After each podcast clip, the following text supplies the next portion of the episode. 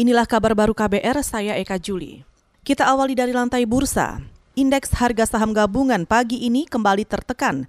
Mengutip data RTI, bursa saham dibuka di posisi 5.214 dan langsung bergerak anjlok 32 poin ke posisi 5.211 lebih dari 260 saham melemah dan 110-an saham stagnan.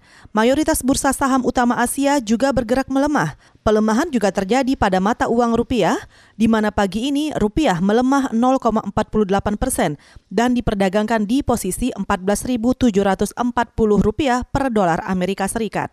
Saudara Kementerian Agama membatalkan pemotongan dana bantuan operasional sekolah atau BOS bagi siswa madrasah dan pondok pesantren. Pembatalan itu disampaikan Menteri Agama Fahrul Razi. Menteri Fahrul mengatakan, dana potongan Rp100.000 per siswa sekolah di lingkungan Kementerian Agama harus segera dikembalikan. Satu, sebetulnya tadi di ruang rapat pada saat tunggu saya katakan kepada Pendis, apa pun yang terjadi, kalau perlu yang lain-lain kita batalkan, yang ini harus kita kembalikan. Jadi saya kira Bos, tadi sudah saya garis bawahi. Sehingga tadi saya bilang oke, okay, kalau Chan mengatakan Pak nggak bisa dipenuhi yang mesti begini. Mestinya itu lakukan. Sehingga kembali ini dana ini kembali. Kalau perlu kita lebih daripada itu kita buat. Jadi itu satu sudah saya kira sudah terpecahkan. Saya kira kita sama sependapat. Itu salah harus kita perbaiki. Saya tadi tegaskan di dalam sana. Apa pun terjadi segera itu kembalikan. Pak mesti di ada mesti-mesti. Saya segera dikembalikan. Itu tadi Menteri Agama Fahrul Razi saat rapat dengan Komisi 8 DPR kemarin. Dalam rapat itu, Komisi 8 memprotes pemotongan dana BOS dalam anggaran Kementerian Agama untuk penanganan COVID-19.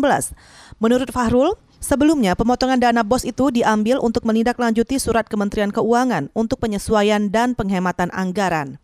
Kita ke mancanegara. Pemerintah Hong Kong mulai melonggarkan lockdown atau karantina wilayah di negaranya setelah angka kasus harian COVID-19 menurun.